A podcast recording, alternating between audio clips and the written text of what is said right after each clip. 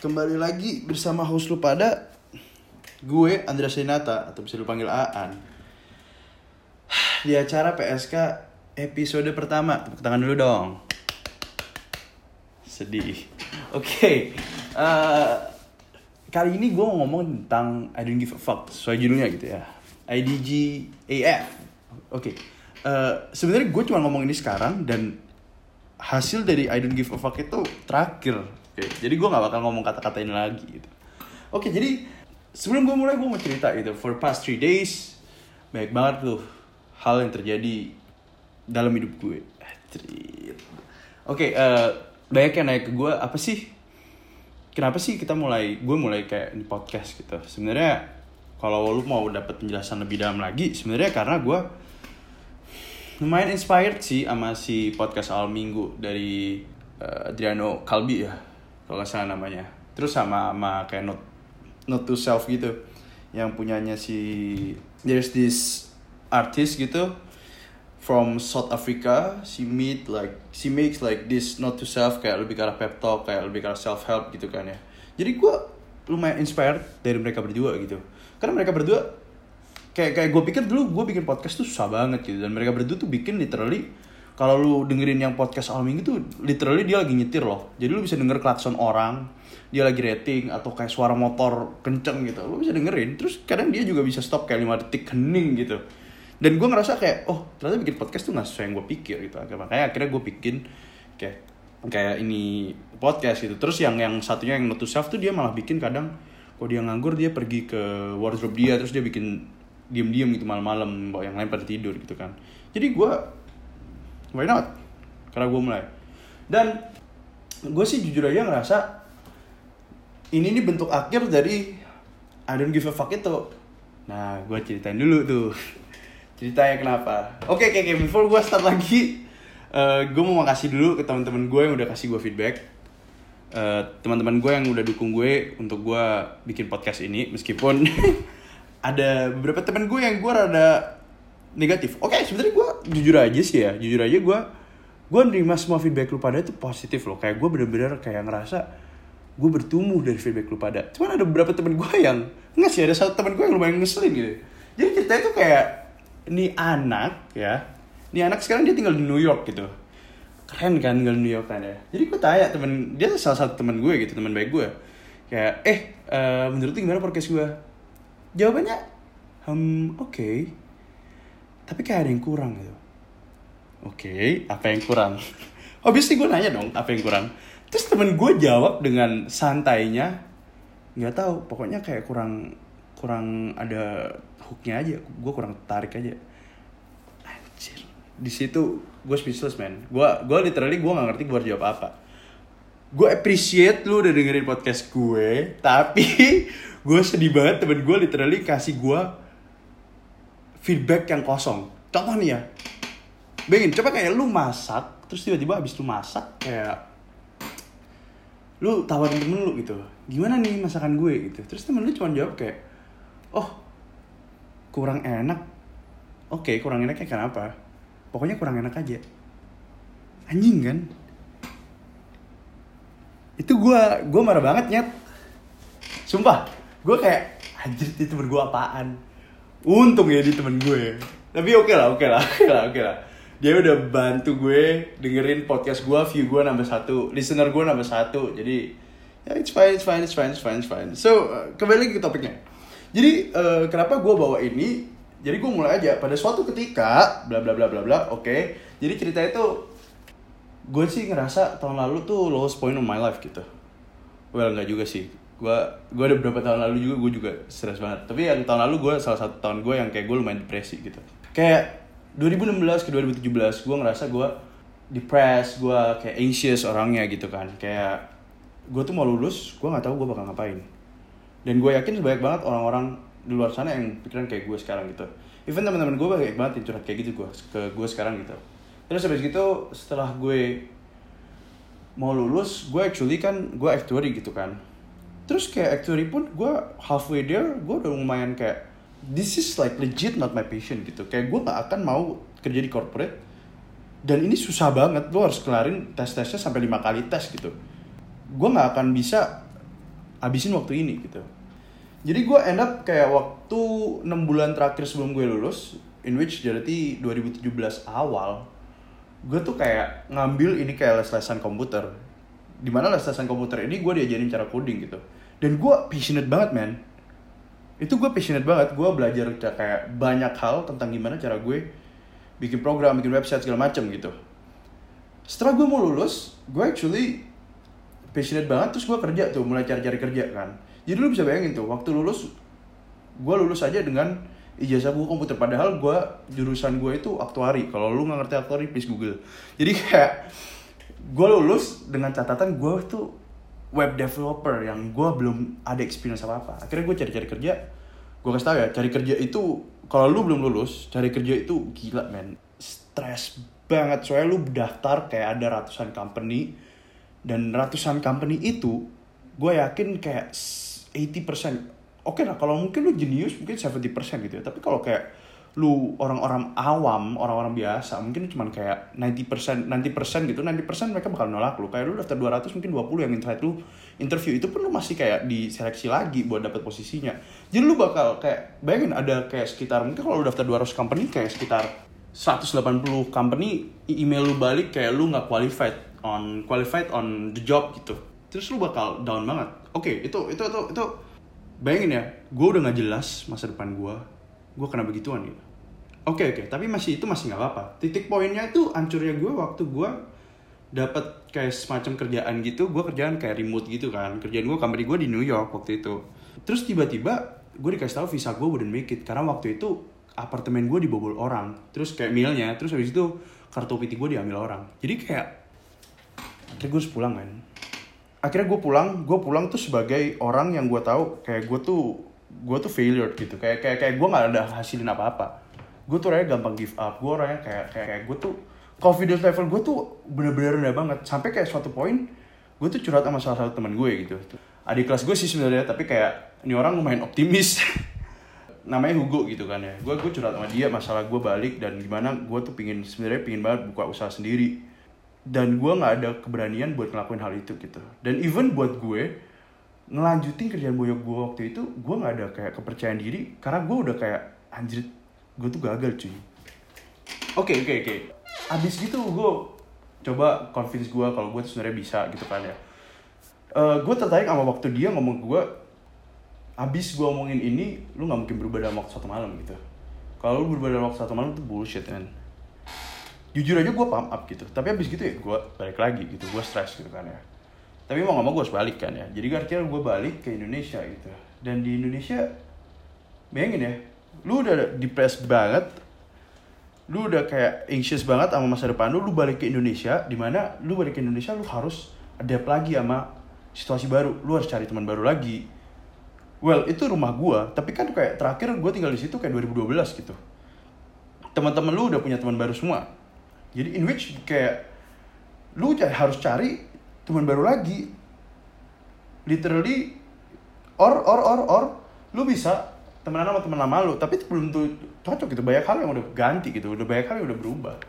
Jadi akhirnya gue balik gue gue jujur aja gue stres tuh sama setahun. Tapi the funny part is kayak kalau kayak gue sekarang gue bener-bener gue nggak stres banget. Dan gue ngerasa gue ada di at the highest point of my life gitu Oke, jadi selama setahun gitu things things happen gitu. Gue gue ngerasa kayak perubahan-perubahan yang gue punya sekarang itu, gue sekarang itu karena hal-hal kecil yang gue lakuin gitu. Jadi yang mau gue sampaikan itu kayak gini.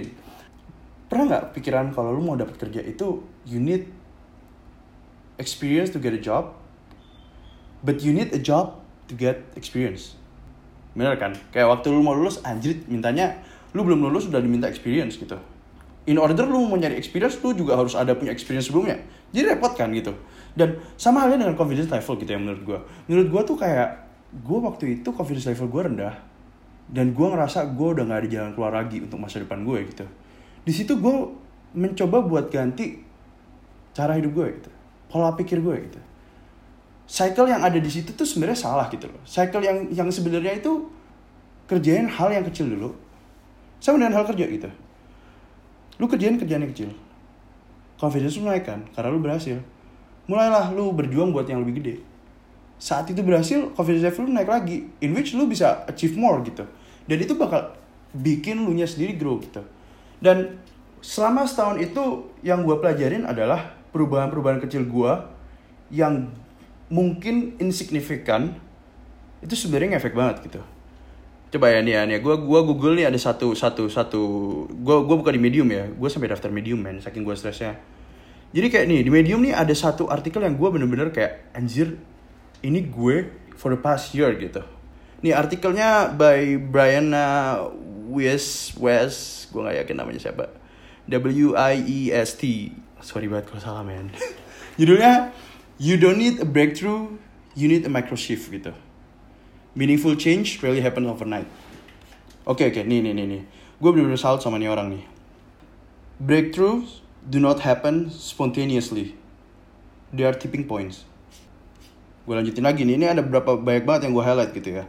Ada lagi nih, what you do every single day counts for the quality of your life and the degree of your success gitu kan. It's not whether you feel like you putting in the work, but whether or not you do it regardless. This is because the outcomes of life are not governed by passion. They are governed by principle. You may not think what you did this morning was important, but it was gitu. You may not think that little things add up, but they do. Kayak kayak gini, kayak banyak orang yang ngerasa mereka tuh orang-orang sukses. Tiba-tiba, bam, ada suatu deal yang bikin mereka gede gitu. Tapi mereka nggak pernah ngelihat orang-orang sukses ini sebenarnya hal-hal kecil yang dia lakuin, prosesnya itu yang bikin mereka ada di saat sekarang gitu. Kayak kayak misal gini kayak misal lu ngerasa ada satu satu kejadian di mana kejadian itu gede. Misal kayak oh oh uh, uh, George Soros nih the bank the man who broke the Bank of England gitu kan. 1997 kalau nggak salah tuh gue lupa tanggalnya. Uh, sampai ada Friday Friday Black Friday or something gitu. Gue lupa sih. Tapi intinya George Soros kayak lu ngeliat dia nge-short waktu itu nge-short pound sterling one billion dollars kan. One billion dollars terus kayak lu bilang lu cuman wah ini orang kayak cuman gara-gara kayak one transaction gitu. Tapi lu nggak pernah pikirin hal-hal di belakang itu. Gimana dia suffer for the past years buat dia belajar dia dia masuk LSI kan waktu itu. Gimana cara dia waktu kecil dari kecil udah belajar. Orang-orang nggak pernah ngeliat hal itu gitu. Dan kita sendiri harus diingetin gitu tiap hari. Kita tuh selalu ngerasa lu kita tuh butuh sesuatu yang gede buat sukses. Padahal enggak gitu. Kayak lu lu hal-hal kecil yang lu lakuin itu tuh yang bikin lu bisa sukses gitu loh. Ntar ya gue minum bentar. Haus jir. Oke, okay, uh, eh, lanjut lagi nih ya. Jadi kayak ini artikel bener-bener bikin gue sadar gitu. Ternyata gue for the past year gitu, gue dari kayak sekitar 2018 awal, gue coba disiplin myself gitu. Dan gue nggak sadar hal itu sebenarnya ngefek. Sebenarnya gue udah, gue tahu gitu yang kalau nggak salah yang kayak gue, gue dulu tuh pernah uh, baca tentang kenapa you should make your bed in the morning gitu. Soalnya kayak waktu lu achieve something kayak done something lu bisa ngefek ke hari-hari berikutnya. Dan gue akhirnya coba gitu. Gue coba mulai dari baca buku, oke. Okay. Jadi gue decided to baca buku kira-kira kayak satu buku per bulan gitu atau kayak well tahun ini gue ngincer sekitar kayak 10 gitu ya uh, mungkin oh FYI average kayak CEO gitu mereka baca kayak 40 to 50 books gitu ya a year. Jadi gue coba biasain diri gue. Jadi gue gue tahun kayak gue gue sekarang udah 9 buku gitu. Jadi gue tinggal satu lagi sih. Ya, kalau bisa lebih gitu. Dan gue coba disiplin diri gue gitu. Bener-bener gue coba disiplinin diri gue buat gue baca buku ini. Dan hal-hal lain yang gue bikin adalah kayak misal gue disiplin diri gue untuk di atas jam 10 itu gue cas sampai gue terus gue langsung tidur. Makanya ada beberapa temen gue kayak naik kok lu gak bisa telepon sih? Kayak jam 11 jam 12 gitu. Abis nih gue weekdays gue tidur jam kayak jam 10 gitu gue udah mati lampu. Terus gue jam 6 gitu udah bangun. Jadi kalau makanya kalau lu lihat Instagram gue gue biasanya jam 6 gue udah bangun tuh. Ngobrol sama bonyok gue sambil sarapan. Gak sarapan sih gue kok ya kadang nonton TV bareng.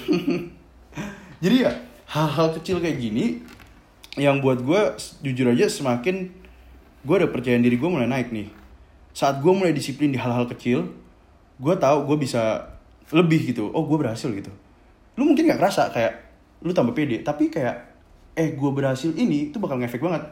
Di situ abis gue mulai baca buku gue mulai pikiran gitu. Kayak uh, setelah kan kayak buku-buku yang gue baca kayak self help gitu kan. Kayak kayak sebenarnya diri gue gitu waktu gue baca buku dari Stephen Covey gitu kan.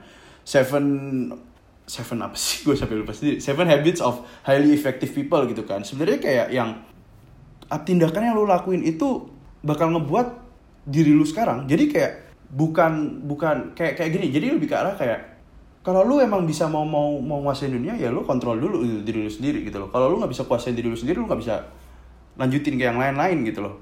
Ya gue gue nggak sampai kontrol dia ya kayak kayak villain villain movie. Tapi kayak kan gue pengen innovate something dan itu harus start dari gue gue sendiri gitu loh dan dia selalu ngingetin gue coba lah kerjain hal-hal kecil dulu sebelum lu kerjain hal-hal gede Ntar kalau udah lu pede, lu bisa go to the next step gitu. Lu bisa influence other people gitu loh. Kalau if you cannot influence yourself, lu nggak bisa influence other people gitu loh. Dan di situ tuh gue mulai kayak titik titik poin gitu. Dan kecil-kecil loh. Gue baca buku, gue mulai bangun pagi, gue mulai kayak olahraga meskipun dikit banget ya. Gue mulai kontrol makanan gue, gue mulai kayak deket sama teman-teman gue. Tipping pointnya tuh kayak mungkin gue bisa bilang dua bulan lalu waktu gue ke Ijen, fuck, gue harus berubah. Dan gue ngerasain gue ada perubahan waktu itu emang. Itu loh yang mau gue ngomongin sama ini. Ya itu loh yang gue gua gua coba sampein gitu loh. Jadi kayak perubahan-perubahan yang lu alamin itu sebuah hasil dari perubahan-perubahan kecil yang udah lu lakuin gitu. dan oke okay, kita lanjut lagi nih. Gue ada satu hal sebelum gue gue kelarin semua ini kalau lu buka Maslow hierarchy of needs gue sambil google ya Maslow hierarchy of needs oke. Okay. uh, oke okay, oke okay, nih nih nih nih. Kalau lu lihat ini lu bakal lihat kayak the first step itu physiological gitu. In which berarti kayak lu gimana nafas lu lu bernafas lu minum air lu makan lu tidur. Itu tuh needs yang utama yang yang lu harus capai dulu. Setelah lu bisa capai itu lu bakal pergi ke needs yang berikutnya safety gitu loh. Uh, security of body of employment of resources of morality of family health and property gitu. Habis gitu lu pergi ke love gitu. Friendship and family and sexual intimacy. Oke gue belum ada itu. Tapi ya tapi ya itu yang ketiga gitu. Habis dari situ lu pergi ke self esteem gitu. Dari situ lu baru pergi ke self actualization gitu gue nggak bilang gue udah nyampe ke yang terakhir ya tapi coba coba. Gini ya. Gue breathing food water gitu gue gue udah gue obviously gue udah satisfied sama itu. The moment gue pulang gue waktu itu dapat kayak sebuah jaminan dari bokap gue udahlah kamu bantu uh, papa mama dulu. Ntar kalau emang kamu mau kalau ini udah jalan kalau kamu mau buat sesuatu yang baru go ahead gitu. Gue dapet akhirnya safety gitu loh abis dari safety gue ngerasa kedekatan gue sama family gue semakin in, inti, intimasinya tuh semakin deket banget gitu. Gue sendiri mulai kan adaptasi cari-cari teman di sini dan gue semakin deket. Di situ tuh gue mulai dapat namanya uh, love gitu. Gue udah penuhin itu namanya love. Dari love akhirnya apa yang terjadi dari kayak tiga hal ini gue dapat namanya confidence level gue naik gitu loh. Waktu confidence gue level gue naik makanya gue bikin ini podcast. Jadi balik lagi tuh ke introduction gue alasan gue bikin ini podcast karena confidence gue udah naik gitu loh. Confidence gue udah tinggi banget to the point gue berani ngelakuin hal ini. Gue udah kayak to the point kayak I don't give a fuck gitu. Yang kayak gue nggak peduli apa yang orang lain pikirin. Pokoknya gue udah menang gitu. Gue menang gue menang gak cuma menang lawan siapa siapa gue menang lawan diri gue sendiri gitu. Gue the fact that gue berani publish introduction podcast ini even kalau ternyata podcast ini podcast terakhir gue yang di mana gue nggak mau ya. Tapi ya amit-amit gitu. Misal ini podcast terakhir gue gue udah ngerasa gue udah menang gitu. Gue udah gue udah merasa kayak gue udah berani. Yang awalnya gue takut gitu loh buat buat inovasi sesuatu yang baru. Gue takut banget anjir. Kalau gue digosipin gimana? Satu lu tuh overthink. Soalnya gue ngerasa banyak orang yang nggak peduli juga gitu loh sama podcast lu. Dua orang-orang yang dengerin podcast lu dan mereka nggak kayak ngata-ngatain di belakang itu mereka sebenarnya nggak percaya diri sama diri mereka sendiri. Makanya mereka ngata-ngatain lu gitu loh. Karena mereka gak pede aja sih sebenarnya. Mereka belum nyampe the point kayak yang confidence-nya tinggi gitu. Dan itu loh yang mau gue sampai itu lu juga usah takut untuk ngelakuin sesuatu yang baru. Well gue nggak bisa oke okay. dan lagi gue ya lagi. Meskipun gue ngomong gini yang lu mungkin awalnya takut buat coba sesuatu yang baru mungkin lu nggak akan ngelakuin itu. Tapi percaya sama gue itu semua proses. Prosesnya tuh ada lu harus respect semua proses yang ada lu harus respect semua momen yang lu punya. Ntar lu bakal ngerasain sendiri kok kayak fuck gue di sini. Gue udah gak peduli apa yang orang pikirin. Yang ada gue happy. Anjir serius amat deh podcast kali ini. Berapa sih menit? Berapa menit sih? Sekarang? 22 menit. Lama juga ya. Aduh. Ya. Oke lah kita cooling down bentar lah ya. Ya Jujur aja 2018 Gue happy banget sih. Kayak Kayak lagunya Blink 182 Nobody Likes You When You Are 23 Anjir Tapi gue jujur aja sih gue Gue gue gue happy sih tahun ini. Gue nemuin diri gue gue mulai berani.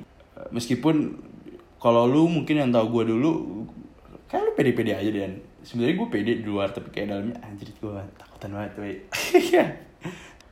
uh, di podcast gue yang rada serius kali ini gue berharap lu pada juga bisa ngambil hikmahnya faedahnya. Siapa tahu kan lu pada juga gue nggak tahu gitu. Kadang lu pada mungkin nggak mau share ke gue gitu. Ya obviously lah gue siapa lagi? Lu pada nggak mau share ke teman-teman lu kayak lu tuh sebenarnya stres gitu. Nggak apa-apa kayak lu jalanin aja. Dan lu harus tahu semua perubahan tuh mulai dari yang kecil dulu. Lu mau grow nggak bisa semuanya dari breakthrough lo yang lu minta sesuatu yang gede nggak bisa. Jadi ya yeah, that's it guys. Uh, seneng banget. Ini PSK episode pertama. Jangan lupa follow instagram gue. Please lah follower gue dikit. Banjir. Ya gue pengen deket sama kalian ya. Gue pengen deket sama audiens audiens gue. Dan gimana gue yakin mungkin audiens ini yang sekarang dengerin gue family family sama teman-teman deket gue sendiri. Tapi gue pengen denger sih. Opini lu pada please follow instagram gue Andrea Senata DM gue kalau lu mungkin malu lewat Instagram please email gue aja adinata andreas at gmail.com uh, gue appreciate banget kalau lu kasih gue feedback. So yeah I'll I'll see you next week. Bye bye.